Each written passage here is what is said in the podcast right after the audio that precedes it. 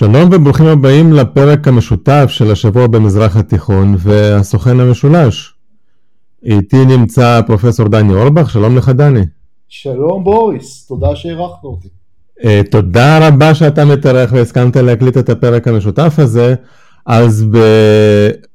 נתחיל מאיזו הצגה הדדית כדי שכל אחד, uh, המאזינים שלנו ידעו מה זה ההסכת המצוין שלך וה... המאזינים שלך ידעו מה זה ההסכת הצנוע שלנו. אז אני אתחיל? כן, בבקשה. אז השבוע במזרח התיכון הוא פודקאסט המוקדש למזרח התיכון, חלק מהפרקים הוא יוצא כל שבוע, חלק מהפרקים מוקדשים לאקטואליה, ומי שמספק את האקטואליה בדרך כלל זה דוקטור ירון פרידמן, מזרחן ומורה לערבית מאוניברסיטת חיפה, וחלק מהפרקים מוקדשים לנושאים היסטוריים עמוקים יותר, כמו היסטוריה של השיעה, היסטוריה של הקפה, לפעמים אנחנו מדברים על יחסים אסטרטגיים כמו יחסים של איראן-רוסיה שהתארח אלכס גרינברג שגם התארח באחד הפרקים האחרונים של הסוכן המשולש. נכון, אלכס התארח אצלי על אה, המודיעין האיראני. נכון, נכון, זה היה פרק מרתק מאוד, אז אני חושב שזה הזמן עכשיו שאתה תציג את אה, הסוכן המשולש. אז קודם כל אני אציג את עצמי, אה, קוראים לי דני אורבך, אני מרצה בחוגים להיסטוריה ולימודי אסיה באוניברסיטה העברית, אני עוסק בהיסטוריה צבאית והיסטוריה של המודיעין, באופן ספציפי חקרתי הפיכות צבאיות, אי ציוד צבאי, הרפתקנים צבאיים, כלומר פרילנסרים שנלחמים במלחמות שהן לא שלהם ברחבי העולם, והמחקר האחרון שלי הוא על שכירי חרב נאצים במלחמה הקרה. כלומר על אותם ותיקי המודיעין הנאצי שהיו פעילים או תמרנו בין המעצמות המלחמה הקרה, במיוחד במזרח התיכון, אה, זה נושא הספר החדש שלי. אז אה, אני אומר כמה מילים על הפודקאסט. הפודקאסט למעשה התחיל בימי הקורונה, אה, בימים okay. אוקיי. של הסגר והשעמום הגדול. ואז ביום אחד אני שמתי בפייסבוק לעוקביי שאלה, תגידו, זה יעניין אתכם יהיה פודקאסט על מודיעין וריגול? וקיבלתי מאות תגובות נלהבות, אז אמרתי... בוודאי שזה מעניין. ברור. אז אמרתי, למה לא לעשות את זה? אז אה, פתחתי את הפודקאסט, בהתחלה הוא התחיל גם כגרסה ביוטיוב של וידאו קאסט, אבל אה, זה בוטל אחרי כמה פרקים מטעמי זכויות יוצרים. כי הייתי צריך לבדוק פחות או יותר כל תמונה שאני שם, האם אני יכול לשים אותה ולא רציתי להיכנס לזה והמשכתי רק באודיו. עכשיו הפודקאסט שלי סוכן משולש, שם הרשמי הוא סוכן משולש פודקאסט על מודיעין וריגול, הוא פודקאסט שנועד לעסוק בכל דבר שקשור לעולם הצללים. עולם המודיעין וחלק ממנו עולם הריגול. אה, פחות או יותר את 28 הפרקים הראשונים, משהו כזה הקלטתי בעצמי, הם עסקו ממש באורך וברוחב של עולם המודיעין מהמון המון המון זוויות, חלקן תיאורטיות, כלומר להבין מה זה מכל מיני זוויות, עמוקות יותר, עמוקות פחות, וחלקן היסטוריות, פרשות מודיעין שאני חקרתי או שאני מכיר ממלחמת העולם השנייה, מהמלחמה הקרה, אה, ומהסכסוך הישראלי-ערבי. באיזשהו שלב אה, התחלתי לארח. הפרקים עכשיו הם בדרך כלל פרקים שאני מראיין אורחים על נושאים שונים, אה, למשל לוחמת סייבר, למשל ההתנגשויות, מבצעי התנגשות של המודיעין הרוסי היום, מבצעי ההתנגשות של סטלין בעבר, ולמעשה סדרת הפרקים האחרונים, וככה אה, הגעתי אליך בוריס, היו אה, סדרת פרקים על המזרח התיכון. נכון. בכל פרק ראיינתי אורח אחר, וכל פרק עסק במדינה אה, או בישות מזרח תיכונית אחרת, דיברנו על הרשות הפלסטינית, על החמאס, על עיראק, על דאעש ועל איראן. וחיזבאללה. חיזבאללה עוד לא ממש דיברנו, רצינו אה, אבל לא, לא מצאתי מישהו שהיה מוכן לדבר על הנושא הספציפי הזה, הלוואי שאני אמצא. אוקיי, okay. ואז בנקודה הזאת אני פונה אליך ואני אומר, תראה, הפרקים, אני האזנתי לכולם, משום מה הייתי בטוח שגם חיזבאללה היה, אבל יכול להיות שאני טועה. אה, ואמרתי בוא נעשה איזה פרק סיכום כזה שגם ידבר על אה, שירותי הביון, המודיעין, עולם הצללים במזרח התיכון, העולם שסובב אותנו. וגם נדבר קצת בכלל על ה... אולי, אתה יודע מה, או לא, לא, לא גם, בוא נתחיל אולי מזה שתספר לנו מה זה בעצם עולם הצלילים. זה כמו כל דבר מתחלק לשלושה חלקים?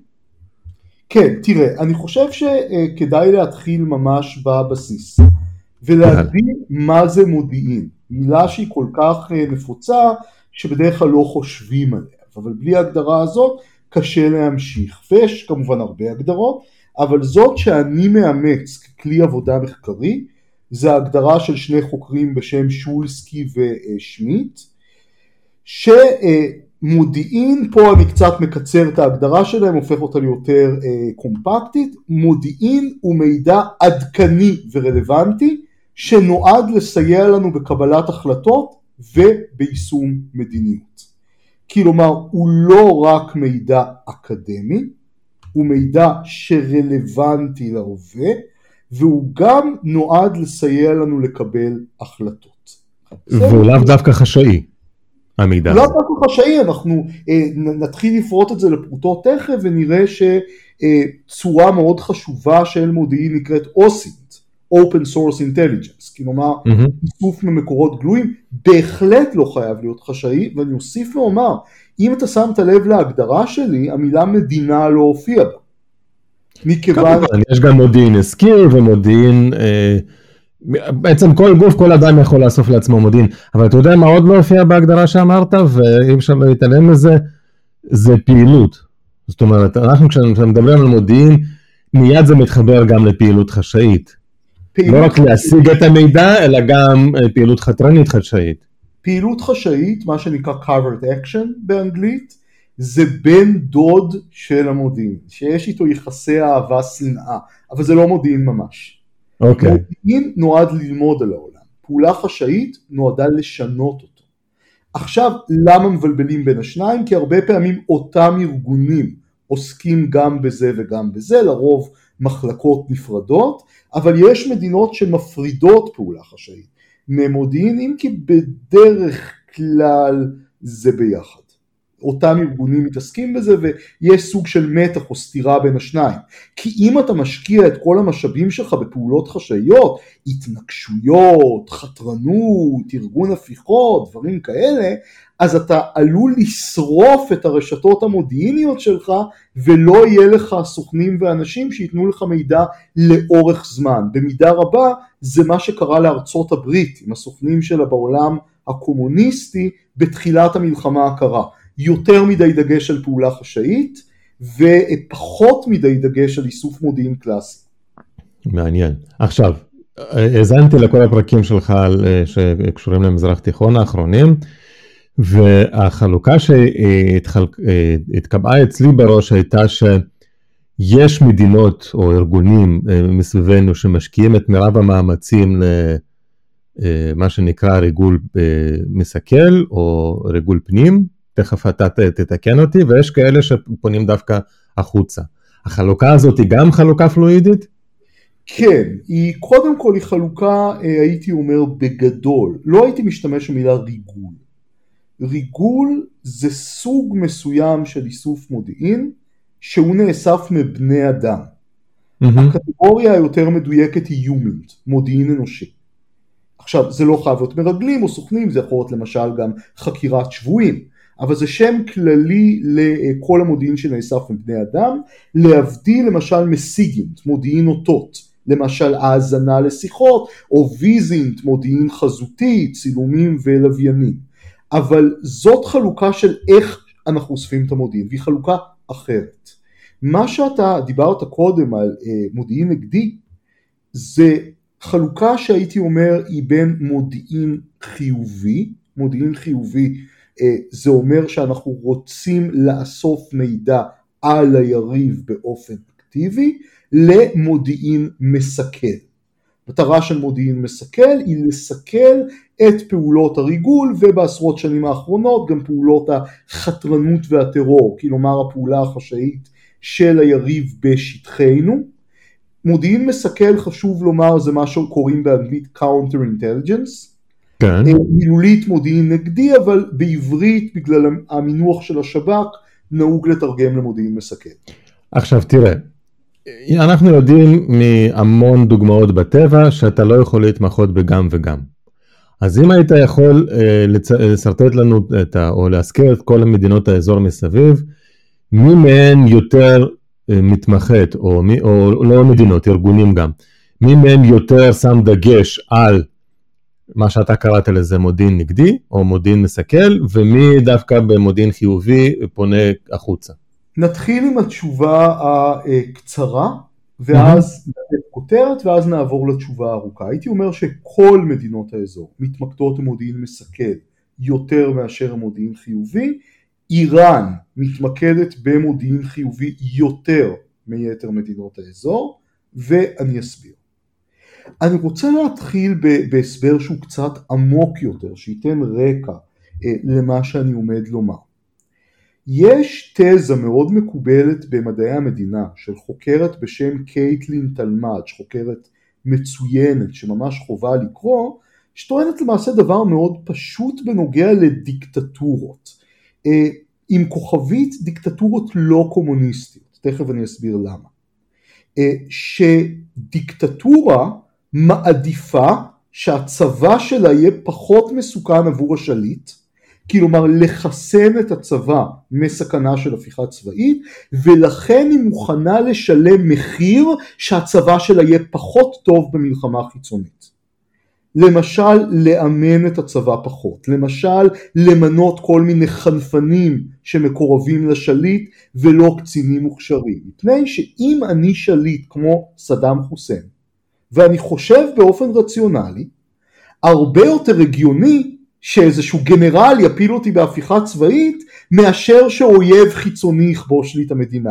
עכשיו, עם סדאם חוסיין זה קרה בדיוק ההפך, כן. אבל מבחינת מחשבה רציונלית זאת המחשבה. ובדיוק כמו עם הצבא, כך גם עם שירותי המודיעין. דיקטטורות, אני רק אסביר את הכוכבית למה דיקטטורות קומוניסטיות לא, כי בדיקטטורות קומוניסטיות הצבא מאוד משולב בדרך כלל עם המפלגה הקומוניסטית, יש פחות חשש שהוא יבצע הפיכות, ולכן הדיקטטורה הקומוניסטית יכולה להרשות לעצמה צבא יותר טוב ויותר מקצועי. אם כי סטלין, אה, סטלין, אה, זה מן המפורסמות שהוא חיסל את, אה, לפני מלחמת העולם השנייה את כל צמרת הצבא שלו. הוא לא היה לעשות את זה. אם אתה מסתכל רק על שרידות המשטר, לא הייתה לסטלין סיבה רציונלית לעשות את זה. הוא עשה את זה למטרות אחרות, אבל המטרה שלו, לפחות לדעתי, okay. אוקיי. לא הייתה למנוע הפיכות, הייתה משהו אחר, אבל זה לא הנושא שלנו, אז לא נכון. לזה, נשמח מאוד לדבר על זה. אה, אבל אה, מה שאני מנסה לומר, שמה שאמרנו על צבא, נכון גם לשירותי המודיעין. הדיקטטורים המזרח תיכוניים למיניהם, מכיוון שהם אה, נעדרי לגיטימציה עממית מספיקה. בדרך כלל יש להם לגיטימציה עממית מסוימת, אבל יש להם מחסור בלגיטימציה כזאת, תמיד יעדיפו לכוון את המודיעין שלהם פנימה יותר מאשר החוצה. אמר את זה היטב אה, שדרן אה, מצרי, שכחתי את שמו, שהוא אה, אמר בהבדיל בין המוסד, בין שירות המודיעין הישראלי שממוקד במלחמה באויביה של ישראל בחוץ, לבין שירותי המודיעין הערבים שקודם כל ממוקדים בשלומו של השליט. ויש יוצא דופן לכלל הזה? איראן. איראן הייתי אומר, גם איראן מאוד ממוקדת בביטחון פנים. Mm-hmm. אבל מכיוון שהמשטר האיראני, בגלל אופיו האידיאולוגי, נהנה מיותר לגיטימציה. יש לו גם כוחות צבא אידיאולוגיים כמו משמרות המהפכה שהם סוג של תעודת ביטוח אה, אידיאולוגית וביטחונית למשטר, יכול להרשות לעצמו יותר להתמקד במודיעין חוץ. אבל בוא, בוא, בוא נקבע את העיקרון הבא. הייתי אומר שככל שהשאיפות של משטר מסוים להשפיע מחוץ לגבולותיו הן יותר גדולות, ככה הוא יצטרך יותר מודיעין חוץ על חשבון מודיעין מסכן. וזה כמובן סיכון מסוים למשטר. אני אתן לך דוגמה. גמל עבד אל נאסר, שליט הנשיא האגדי של מצרים, הוא הפעיל מודיעין חוץ, בעיקר פעולה חשאית, הרבה יותר מכל שליט ערבי נוכחי. א', מכיוון שהוא הרגיש בטוח בעצמו, וב', מכיוון שהיו לו שאיפות אימפריאליסטיות פן ערביות לאחד את המזרח התיכון תחת הנהגתו. אחרי הכל נצריזם קראו על שמו. בוודאי, ולכן אתה רואה בתקופה של נאסר, מי שלמד את ההיסטוריה המרתקת הזאת, כל הזמן המודיעין המצרי בוחש איפשהו. מנסה להתנקש במנהיג הזה ולעשות הפיכה צבאית במדינה הזאת. הם כל הזמן פעילים בכל מקום. אבל זה הרבה פחות נכון היום. המודיעין במדינה, מדינות הערביות, המוחברת הערבי המפורסם, לרוב ממוקד הרבה יותר בביטחון פנים מאשר במודיעין חוץ. לא אומר שהוא לא אוסף מודיעין חוץ, פשוט המיקוד הוא יותר בביטחון פנים. וזה לא שהם נטולי אויבים, יש איבה ועוינות ומתיחות בין הרבה מאוד מדינות באזור, אפילו אם אתה שם את ישראל בצד, הם חייבים את המודיעין חוץ. נכון, אבל איזה איום במדינות היריבות מהוות עליהם? זה בדרך כלל חתרנות פנימית. Uh-huh. עכשיו יש פחות סיכוי שפתאום עיראק תתקוף את סוריה. לא אומר שזה לא יכול לקרות, אבל זה פחות קורה, זה יותר קרה בתקופות מוקדמות יותר. עכשיו יותר סיכוי שאם כבר אה, איראן תפעיל גורמים חתרניים בתוך מדינה עוינת למשל כמו מצרים. ואז זה גם עניין למודיעין מסכן. אז בעצם, כמו שיש טשטוש של חזיתות ויש, כבר אין אה, חזית ועורף והכל לא התערבב, אז יכול להיות שגם פעולת המודיעין, גם הגבולות אה, מטושטשים. כי כשאתה מסכל מודיעין, לא יודע, פעילות חתרנית של איראן אצלך במצרים, האם זה פעילות מסכלת חוץ או פנים? זה פנים. אם זה אתה פנים. מסכל פעילות של האויב בשטחך, זה חד משמעית פעילות פנים. עכשיו הייתי פה מוסיף עוד משהו. אני חושב שאם אנחנו נסתכל למשל על המקרה העיראקי, וכאן אני חייב הרבה לידידי דוקטור רונן זיידל שהקליט שני פרקים מרתקים על עיראק אה, אצלי בפודקאסט, אנחנו נראה שהמודיעין העיראקי הוא סוג של המדינה העיראקית בזעיר אנפין. שהמדינה העיראקית הייתה מדינה רצחנית, למשל בתקופת סדאם חוסיין, המודיעין היה שיקוף של המדינה. ומעבר ללהבטיח ביטחון לשליט, הוא נועד להטיל אימה. כך גם עם המודיעין של דאעש, שחוקרים רבים חושבים, ואני מסכים איתם, הבולטי ביניהם הוא החוקר הלבנוני יזיד סייח, שדאעש זה סוג של שכפול של המדינה הסדאמיסטית. למרות שהייתה חילונית ודאעש הם אה, מאוד דתיים. ראשית כל סדאם הלך לכיוון הדתי בעשר השנים האחרונות לשלטונו, יש פה איזשהו גשר, אבל כן, יש פה אידיאולוגיה איסלאמיסטית שלא הייתה לסדאם.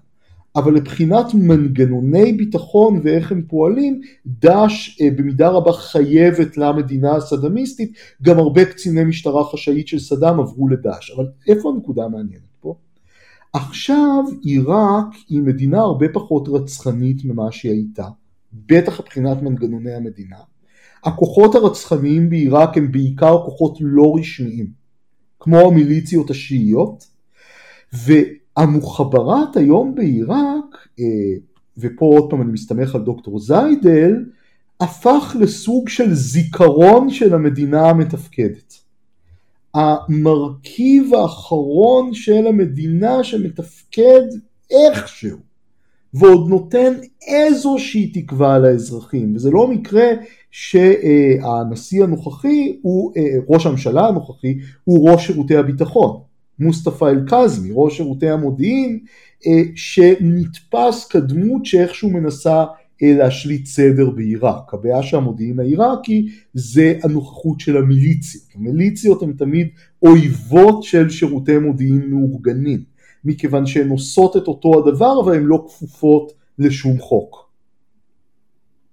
עכשיו, אם כבר הזכרת את עיראק, אז אה, בפרקים על עיראק אה, דיברתם לא מעט על כך שהיו בתוך עיראק המון ארגוני ביטחון, שהתפקיד של כל אחד מהם היה לשמור על השני. נכון. וזה זה משהו שחוזר על עצמו בהרבה מדינות באזורנו, נכון? נכון, זה מאפיין אה, קלאסי של דיקטטורות.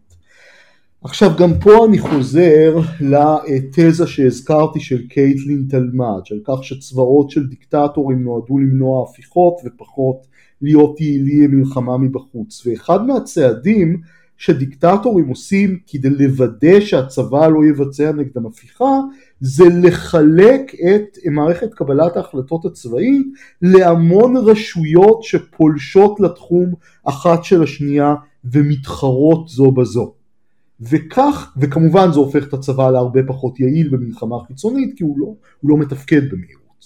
עכשיו... אבל מצד, מצד שני אבל יכול להיות שיש לזה יתרון כי תחרות בריאה מעודדת לפעמים גם מצוינות, ברגע שיש לך גבולות ברורים, אז אה, לצד השני קל מאוד לתעתע כשהוא עובר בין גבול לגבול. יש בזה גם היגיון שהוא לא רק אה, לשמור על דיקטטור. יותר, המצב האידיאלי הוא שירותי מודיעין שכל אחד יעסוק בתחומו ויהיה ביניהם שיתוף פעולה. יהיה ביניהם קישור, יהיה ביניהם דיונים משותפים, יהיה ביניהם חלוקת מידע. אבל זה לא המצב. המצב הוא ששירותי המודיעין והביטחון, כמו דרך אגב בדיקטטורות לא ערביות, בגרמניה הנאצית זה גם היה ככה, מתחרים כל הזמן אחד בשני ומפקחים אחד על השני ויש פה המון כפילות, יש פה המון בזבוז, יש פה המון חוסר יעילות מכיוון שאותם שירותי מודיעין עסוקים או מכלים הרבה מאוד מהזמן שלהם ברדיפה כל אחד אחרי הזנב של עצמו. אז בואו ניקח את סוריה. סוריה של אסד, okay. אה, אוקיי. בתקופת חאפז אל-אסד, לא סוריה הנוכחית, מדינה שאני אה, אה, מכיר יותר מאשר עיראק באופן אישי. אז בסוריה ממש היו כמה וכמה שירותי מודיעין מתחרים, בתקופת חאפז אל-אסד היה את הביטחון הצבאי, כביכול סוג של ארגון שנועד לשמור על ביטחון בתוך הצבא, אבל למעשה הוא הארגון המודיעין החזק ביותר במדינה, מה שנקרא אל-אמן אל-עסקרי, היה, כמה שזה נשמע מפתיע למי שלא מכיר את סוריה, מודיעין אווירי. לא מודיעין שנועד לגלות מידע על חיל האוויר של ישראל, אלא מודיעין שנועד לפקח על חיל האוויר הסורי, למנוע חתרנות בחיל okay. אוקיי. האוויר הסורי, היה מודיעין פוליטי, היה מודיעין כללי, כל אחד משירותי המודיעין האלה גם פיקח על כל האחרים. כדי שלא יקום אף אחד משירותי המודיעין שיוכל לחולל הפיכה נגד השליט. אתה יודע מה המשותף בין, בין המקרים שדיברנו, עיראק וסוריה, זה שמדינות האלה היו ועכשיו אין. עכשיו, כשנגיד אה, רשות הדואר של מדינה כזאת, אז הכל ברור, בדיבורים של עתים חדשים, הכל מתועד, שום דבר לא קרה, יש אולי קצת בלאגן, אנדרלמוסיה, בסופו של דבר חוזרים לפעילות.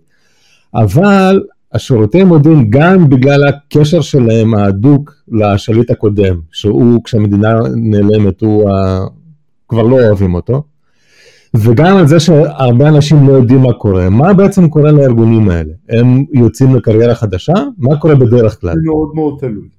לפעמים הם אה, פשוט נעלמים. הדוגמה לכך למשל זה הסקיוריטטה ברומניה. אחרי שניקולאי צ'אושסקו נופל, הסקיוריטטה נעלמת אה, אחרי איזה חודשיים. אה, יש אה, אנקדוטה מאוד מאוד מפורסמת על תייר אמריקאי שגילה באותם ימים שאיש סקיוריטטה עוקב אחריו ואותו איש סקיוריטטה אמר לו תודה ששיבחת בשיחות הטלפון שלך את נופיה המדהימים של ארצי. כאילו לא היה להם מה לעשות מעבר לזה אחרי שהמשטר נפל והם נעלמו.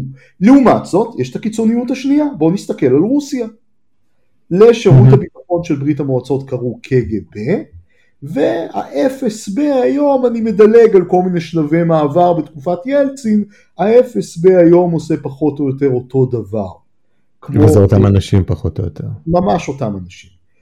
בשירותי המודיעין של מדינות ערביות הרבה פעמים קרה דבר דומה. שוב אני אתן דוגמת המקרה הסורי, שבאמת ההיסטוריה הסורית אני יותר מכיר. אה, בשנות ה-60 היו כמה הפיכות בסוריה.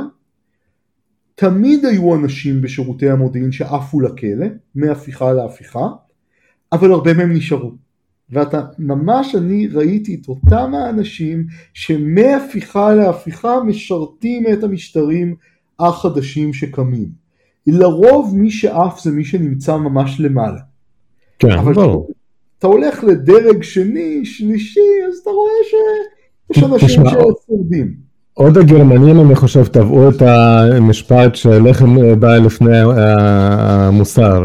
צריך לנהל את המדינה, אז בסדר, הוא עבד בשביל השליט הקודם, אבל צריך מישהו אה, עכשיו להגן על השליט הנוכחי. הדוגמה האהובה עליי מחוץ לתחום המודיעין, זה תליין גרמני בשם יוהאן רייכרט, שהתחיל את הקריירה שלו בשנות ה-20 בהוצאה להורג של פושעים פליליים. המשיך אותה במשטר הנאצי והוציא להורג מתנגדי משטר כולל אה, מחתרת הסטודנטים של הוורד הלבן שמאוד מאוד אה, מפורסמת בהקשר הזה ואחרי המלחמה עבד עבור האמריקאים והוציא להורג פושעי מלחמה נאצים. יש מקצוע. כן, צוואר זה צוואר, לא. עכשיו, זה קצת מקאברי אבל כן, זה... עכשיו, אתה יודע מה, אם אנחנו דיברנו על מדינות אה, אה, שנעלמו, יש לך מידע מה קורה עכשיו למשל בלבנון? לבנון היא עדיין לא נעלמה, אבל זו מדינה אה, בקריסה טוטאלית. לבנון זה סיפור נורא נורא עצוב. אני חושב, זה סיפור עצוב מכיוון שהיא מדינה שיש לה את כל הפוטנציאל לפרוח. יש לה כוח אדם מאוד משכיל, אוכלוסייה משכילה, היא קטנה יחסית, היא מנג'בל, יש לה נתונים אה, גיאוגרפיים טובים, גישה מאוד אה, רחבה לים, אה, אבל היא סובלת מהקללה הזאת של העדתיות. אבל הייתי אומר שזה זה מה שמקשה עליה באופן כללי. במשטר שהוא משטר הסכמי עדתי, אתה חייב לחלק את המשאבים בין העדות השונות וזה יוצר המון בזבוז ומעיק על המדינה. אבל אמ, אי אפשר להבין את מה שקורה היום בלי להתייחס לעלייה של חיזבאללה, אה, לה, הייתי אומר שנותנים חלק גלוי יותר בשלטון מאז שנת 2011. אני תמיד ממשיל את זה לערפד, שממש יושב על לבנון ומוצץ לה את הדם. לא רק שלחיזבאללה יש מערכת פרטית שמקבילה למערכת המדינית, אם קודם לבנון הייתה יכולה אה, להשיג השקעות מבחוץ שאיכשהו חיפו על השחיתות ועל חוסר היעילות ועל הבזבוז ושהיה שם תמיד, מאז שחיזבאללה בשלטון יותר קשה למדינות מסוימות להשקיע באופן ישיר. כלומר זה הפך מצב שממילא היה רע למצב עוד יותר גרוע. אמ, אתה מכיר את הפתגם להכניס ראש בריא למיטה חולה. אז אני הייתי אומר בהקשר של לבנון להכניס ראש חולה למיטת מתים. ואני חושב שמה שקורה בלבנון זה פשוט כרגע פשיטת הרגל הסופית. הצבא שהוא נחשב איכשהו המוסד האחרון שמאחד בין כל העדות על סף קריסה, עכשיו הם נותנים אה, באופן נואש כדי להרוויח כסף אה, סיורים בהליקופטרים צבאיים. ראיתי, ראיתי את, את הטוויטים האלה, כן. והרמטכ"ל ו... בא לקבל אה, משלוח של מטוס עם מנות, מנות קרב כסיוע. במצב רגיל הייתי אומר שזה עלול להוביל למלחמת אזרחים. אבל אני לא רואה מישהו שיש לו כוח או רצון להילחם מול חיזבאללה. אולי אני אופתע, אבל אה, זה כאילו קריסה טוטאלית שאפילו להילחם כבר אין כוח. כן, אבל האמת שכיסינו את זה השבוע במזרח התיכון בכמה פרקים, והמסקנה שלפחות ירון פרידמן אה, חושב שהיא הגיונית, ואני מסכים, פשוט המצב הכלכלי הקשה, יחד עם הקורונה שגם אה, עוד פגעה, יחד עם הייאוש והעייפות, פשוט אנשים, אין, אין מלחמה, כי אנשים מיואשים. תראה, אני אומר דבר כזה, מי שנלחם או מי שמורד זה לא מי שחלש ומופלה, זה מי שחזק ומופלה. בשביל למרוד אתה צריך שיהיה לך איזשהו כוח. אם נסתכל על ההיסטוריה ב-1848 היו מרידות בכל אירופה. אחת החלשות ביותר שלהם, שבהן הייתה באירלנד. ואתה שואל את עצמך, דווקא באירלנד? המקום הכי מרדני כמעט באירופה שמוציא איזה מרידה גדולה כל כמה זמן, מה הסיבה היה באירלנד רעב גדול של תפוחי אדמה באותו הזמן. ואנשים שהם צריכים לחטט בהשפעה להשיג אוכל, אין להם אנרגיה למרוד. זה נכון. עכשיו בוא אבל נחזור לעולם של מודיעין. בלבנון, עם כל העדתיות, ושם הכל מחולק בין שלוש העדות המרכזיות, גם השירותים היו מחולקים לפי, שירותי המודיעין היו מחולקים? אני לא ממש מכיר, לבנון זו מדינה שאני מכיר פחות בהקשר הזה. Mm-hmm. אני יודע שבזמן הכיבוש הסורי, שירותי המודיעין הלבנונים היו מאוד קשורים למודיעין הסורי, ועבדו איתו. הייתה אה, שמועה, שאני לא יכול לשלול לאשר אותה, אבל היא נראית לי הגיונית, שבהתנגשות ברפיק אל חרירי למשל גם גורמים בשירותי המודיעין הביטחון הלבנונים היו מעורבים כי הם עבדו ביחד עם הסורים. אני מאוד אתפלא אם העדתיות לא משפיעה גם על שירותי המודיעין ואם אני צריך להמר ואני מדגיש להמר, אני לא, לא אומר את זה מתוך סמכות, אני חושב שהם אה, די בשליטת חיזבאללה, חיזבאללה ובעלי בריתה, אבל בזה אני לא בטוח. מה שאני כן בטוח בו שלחיזבאללה יש מנגנונים מודיעיניים משלה. כלומר היא לא תלויה במודיעין של המדינה הלבנונית. טוב, חיזבאללה זה מדינה בפני עצמה בתוך מדינה. אוקיי. עכשיו, אוקיי, אז זה מביא אותנו לנושא מעניין אחר של שיתוף פעולה אה, מודיעיני. אז אתה עכשיו דיברת על אה, לבנון, סוריה, בפרקים אה, שלך גם אה, דיברת לא מעט על התיאום הביטחוני בין הפלסטינים לישראל. ופה יש גם מתח, כי מצד אחד מודיעין זה פעולה חשאית. כל גוף שיש לו מודיעין רוצה לשמור את הקלפים מאוד קרוב אה, אה, לחזה שלו. מצד שני, אין ברירה אלא לשתף פעולה, לפעמים גם עם גופים שיש בין, אה, ביניהם מתח קיומי, כמו למשל ישראל ופלסטינים, לפעמים אנחנו, יש לנו אינטרס משותף, לפעמים האינטרס שלנו מנוגד לחלוטין. איך זה מתבצע פיזית? ממש יושבים אנשים על קפה ומעבירים צטלח? חד וחלק. בתיאום הביטחוני יש ממש פגישות בין הגורמים השונים, וכן, דנים, מחליפים מידע, תמיד יש את הדילמה איזה מידע לתת. אולי יש דברים מסווגים שאתה לא רוצה לתת למודיעין של הרשות הפלסטינית. מכיוון שלמודיעין של הרשות הפלסטינית יש תפקיד שהוא תפקיד דואלי. למעשה יש להם שתי מטרות עיקריות. מטרה העיקרית הראשונה זה לסכל חתרנות של חמאס נגד הרשות. ובזה יש להם אינטרס משותף עם ישראל, התיאום הביטחוני עוסק בין היתר בזה. מצד שני, הם אוספים מידע על ישראל, הם כל הזמן אוספים מידע על ישראל. אז אתה נזהר במידת שיתוף הפעולה שלך איתם. וזה סוג של מקבילית כוחות, זה משחק מאוד מאוד עדין. עכשיו, זה לא שישראל לא מדברת עם חמאס, ישראל גם מדברת עם חמאס, בדרך כלל בתיווך. אז זה עוד יותר מסבך את התמונה, כי הרשות מאוד לא אוהבת את המגעים העקיפים האלה בין ישראל לחמאס. ואנחנו ראינו הזדמנויות שאבו מאזן בכוונה עשה בעיות למשל בהעברת כספים לעזה כדי שיהיה שם מצב קשה שיפול על ישראל ולא עליו.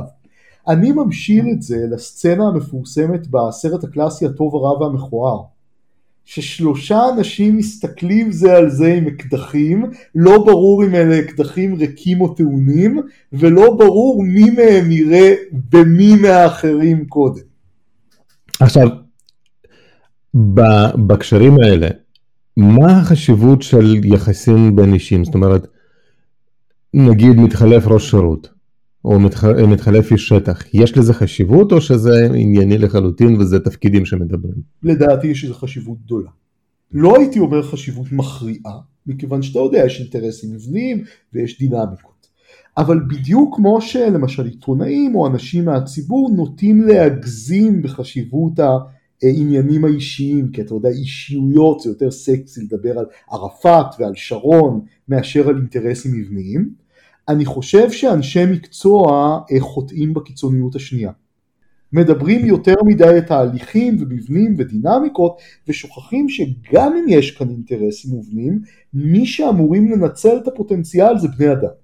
ואם הם מסתדרים אחד עם השני או לא מסתדרים אחד עם השני, זה אה, אה, מאוד מאוד חשוב. אני אתן דוגמה אה, מוועידת קמפ דיוויד המפורסמת. שבה באחת הסצנות, אחד המשברים, ברק עבר באותו שביל יער על פני הביתן שגרו בו ערפאת ואנשיו, ראה את ערפאת והתעלם ממנו כאילו שהוא אוויר. ואז סייבר ריקאט רץ אחריו ואמר לו, תשמע, זה המזרח התיכון, אתה עושה דבר כזה, אתה תגרום משבר, פה נותנים כבוד לאנשים.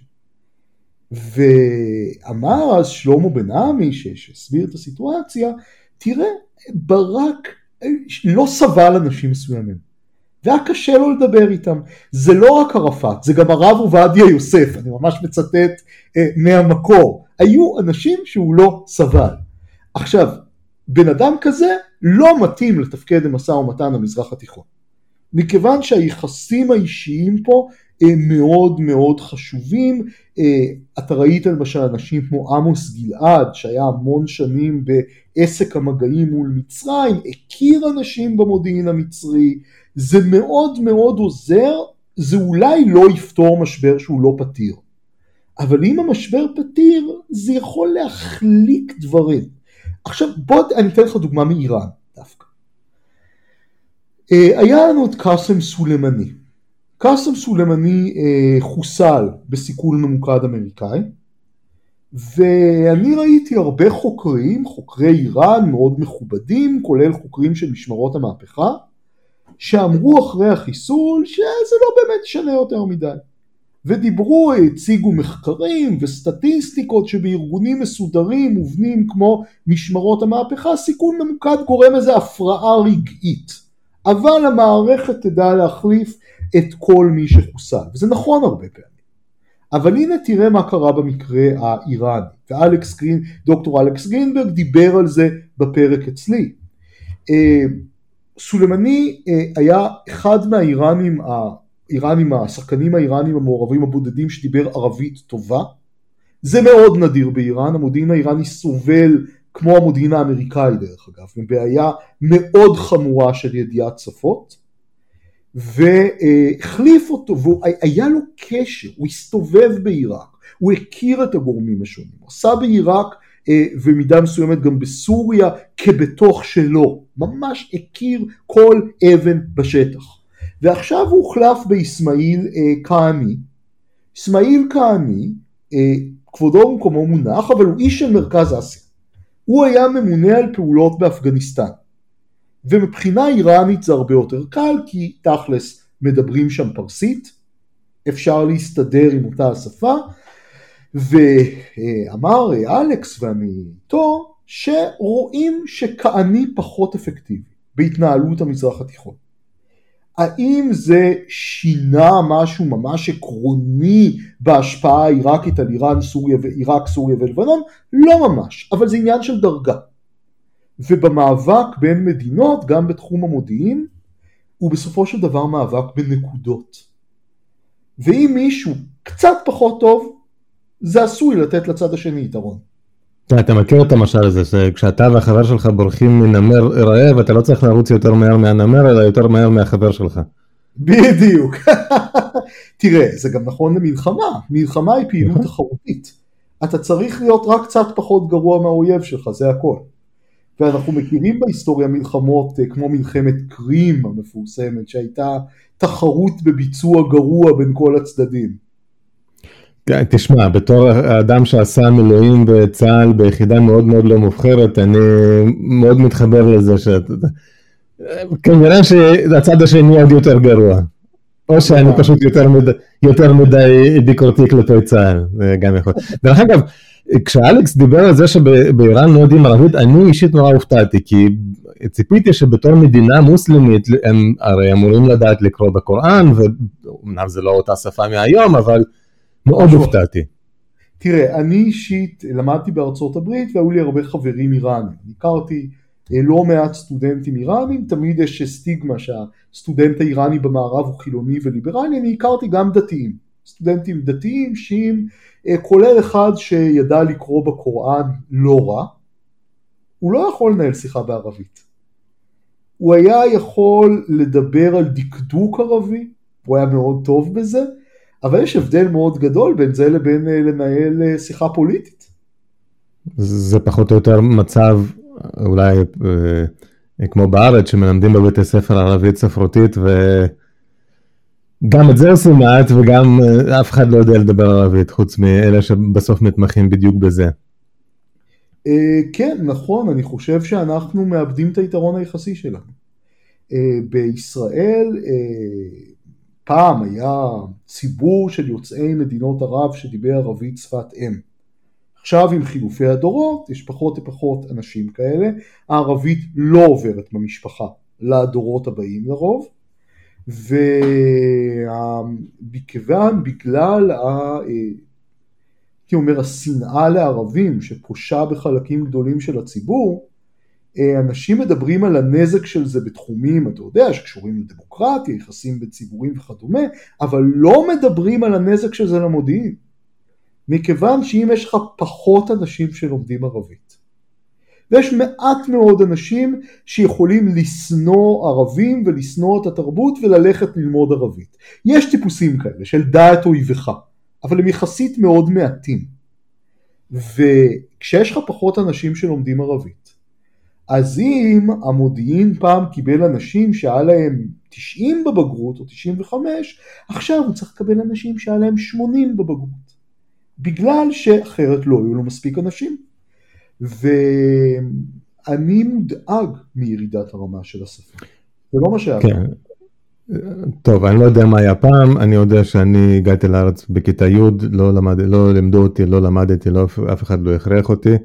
ואני חושב שזה חבל, לא, לא רק בגלל המודיעין, מודיעין זה כבודו במקומו, אבל... אה, אה, טוב, תשמע, אחד ה... אחת השאלות שחזרה בכל הפרקים, לפחות שאני האזנתי להם, ששאלת את המרואיינים שלך, זה אם אתה צעיר במדינה X, איך אתה מגיע לשירותי הביון שלה? אז עכשיו אני רוצה לשאול אותך שאלה קצת הפוכה. אם אתה צעיר בישראל, או חייל בישראל, או איש הייטק בישראל, מאיזה שירותי ביון אתה צריך להיזהר הכי הרבה? קודם כל, האיראנים. הייתי אומר שהם השירות הביון הכי פעיל במודיעין חוץ מול הזירה הישראלית, במקביל גם לחיזבאללה. וכמו שאלכס אמר בפרקים האלה, המודיעין האיראני במידה רבה עושה מיקור חוץ לחיזבאללה בהרבה מהדברים שקשורים לישראל, לחיזבאללה יש יותר יודעי עברית, ההיכרות עם ישראל יותר עמוקה. וגם אה, בעדיפות פחותה המודיעין של חמאס והמודיעין של הרשות הפלסטינית. אה, לצעירים הדבר המסוכן ביותר הוא בלי ספק האינטרנט. אה, כל מיני אה, פרופילים בפייסבוק, כמובן אני לא נגד להתיידד עם אנשים, גם מדינות ערב שרוצים לדבר איתך בפייסבוק, ברוב המקרים זה כשר לחלוטין, אבל לפעמים זה לא כשר. ועידו זלקוביץ', בפרק דוקטור עידו זלקוביץ' שהתארח אצלי, דיבר או נתן דוגמה לכל מיני שיחות כאלה שמתחילות באופן תמים ואז עוברות לעניינים צבאיים, הפתרון הוא לא לנתק מגע עם כולם, אלא פשוט להיות נבון ולדעת איפה לשים את הגבול. אבל זה לצעירים. הייתי אומר שלאנשי עסקים הסיפור מסובך בהרבה. מכיוון שיש מקרים שניסו לתפוס אנשי עסקים דרך קשרים עסקיים, ככל שהעסקים הם יותר מפוקפקים, ככה זה יותר קל. בדרך כלל דרך איזה מתווך, אבל לא תמיד. אנחנו זוכרים את נחום מנבר, שהיה בקשר עם המודיעין האיראני, אנחנו זוכרים את גונן שגב, אנחנו זוכרים בהקשר של חיזבאללה את אלחנן טננבאום, ש... כנראה ניסה לעשות איזו עסקת סמים ונחטף ללבנון, אבל הייתי רוצה לתת לזה איזה טוויסט מעניין.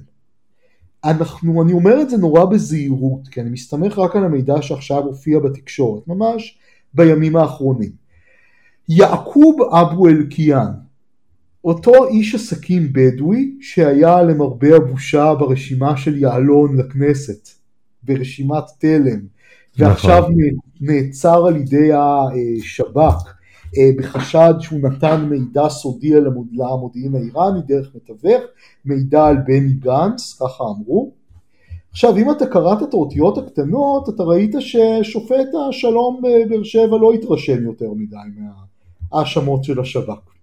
ומה שנראה לי, ואני אומר נראה לי, כי אני לא יודע את כל פרטי הפרשה המוכמנים, זה שיעקוב אבו אלקיעאן סחט כסף מהמודיעין האיראני ובזבז להם תקציב יותר מאשר הועיל להם. באחד הקטעים היותר הזויים הוא אמר להם שהוא חבר בקבינט המדיני ביטחוני. אה, אני משער שהם לא האמינו לזה, אבל אני חושב שהם כן האמינו שהוא מקורב לכל מיני מקבלי החלטות. זאת אומרת, אתה אומר איש עסקים ולא, ולא מרגל. אני, זה קטגוריה שלמה שאני עוסק בה בספר שלי, בספר הנוכחי, אני קורא לאנשים האלה יזמי מודיעין, או רוכלי מודיעין.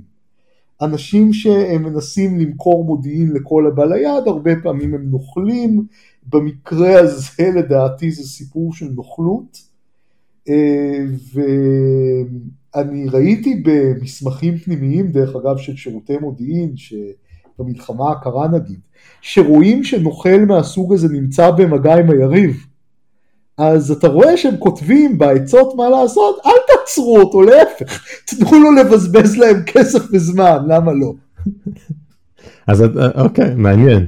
דרך אגב, אפרופו אה, אותו אה, בן אדם, כשעדיין זהותו הייתה אה, חסויה, משום מה, כל, ה, כל התמונות שפורסמו באינטרנט זה היו תמונות שלו שכבר פורסמו המון פעמים בעבר, רק טשטשו את הפנים, וחיפוש גוגל הכי פשוט, פשוט מצא את התמונה המקורית, ופה אני תוהה מה, מה המטרה של האיסורים האלה ומה האפקטיביות שלהם. אתה רואה כמה אנשי מודיעין שהיית מצפה שהם יהיו מעודכנים טכנולוגית, לא תמיד מכירים טוב את העולם של הרשתות החברתיות.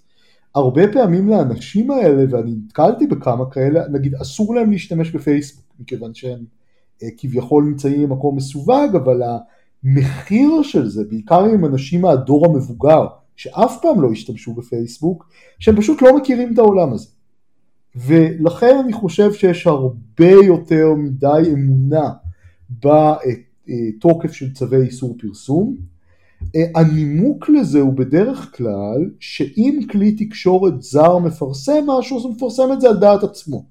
ואם כלי תקשורת ישראלי מפרסם משהו אז עלולים לחשוד בצד השני שהמודיעין הישראלי הדליף לו וזה נחשב כמשהו סמי רשמי ולכן לא רוצים שזה יפורסם בישראל אבל אני אומר לך דבר כזה היה פעם, הייתה פעם כתבה שראיינו אה, מספר רב של צנזורים צבאיים לשעבר ושאלו אותם בדיוק את השאלה ששאלת אותי כמה צריך לתקן את המערכת אני חושב שכולם אמרו שצריך לעשות שינויים מאוד רציניים במערכת של צווי איסור הפרסום, מלבד אחת, מירי רגב. שזה... הייתה גם עוד דוברת. כן, כל מילה מיותרת. אבל uh, אני חושב שבאמת זה לא לגמרי מותאם לעולם הנוכחי. טוב, אבל זה, זה כבר, את העולם הזה אנחנו לא נוכל לשנות. כן, לחלוטין. טוב, אני מודה לך מאוד, אני, היה לי מאוד מרתק. לכל מאזיני השבוע במזרח התיכון, אני ממליץ לכם להירשם כמובן גם לשבוע במזרח התיכון וגם לסוכן המשולש, זה ממש תוכן, אני עשיתי בינג' על איזה שישה פרקים, אה, ואני לא מבלה בפקקים, אז אה, זה רק מצביע כמה הפרקים האלה טובים ומעניינים. במקביל לשבוע במזרח התיכון יוצא גם ניוזלטר של ברנדון פרידמן מאוניברסיטת חיפה, תירשמו, זה מגיע כל יום שישי לאימייל. עם מקורות, עם לינקים, עם מילון קצר של מונחים בטורקית, ערבית ופרסי. ויאללה, להתראות, תודה רבה. דני, תודה גם לך. תודה בוריס, מאוד נהניתי. יאללה, ביי ביי.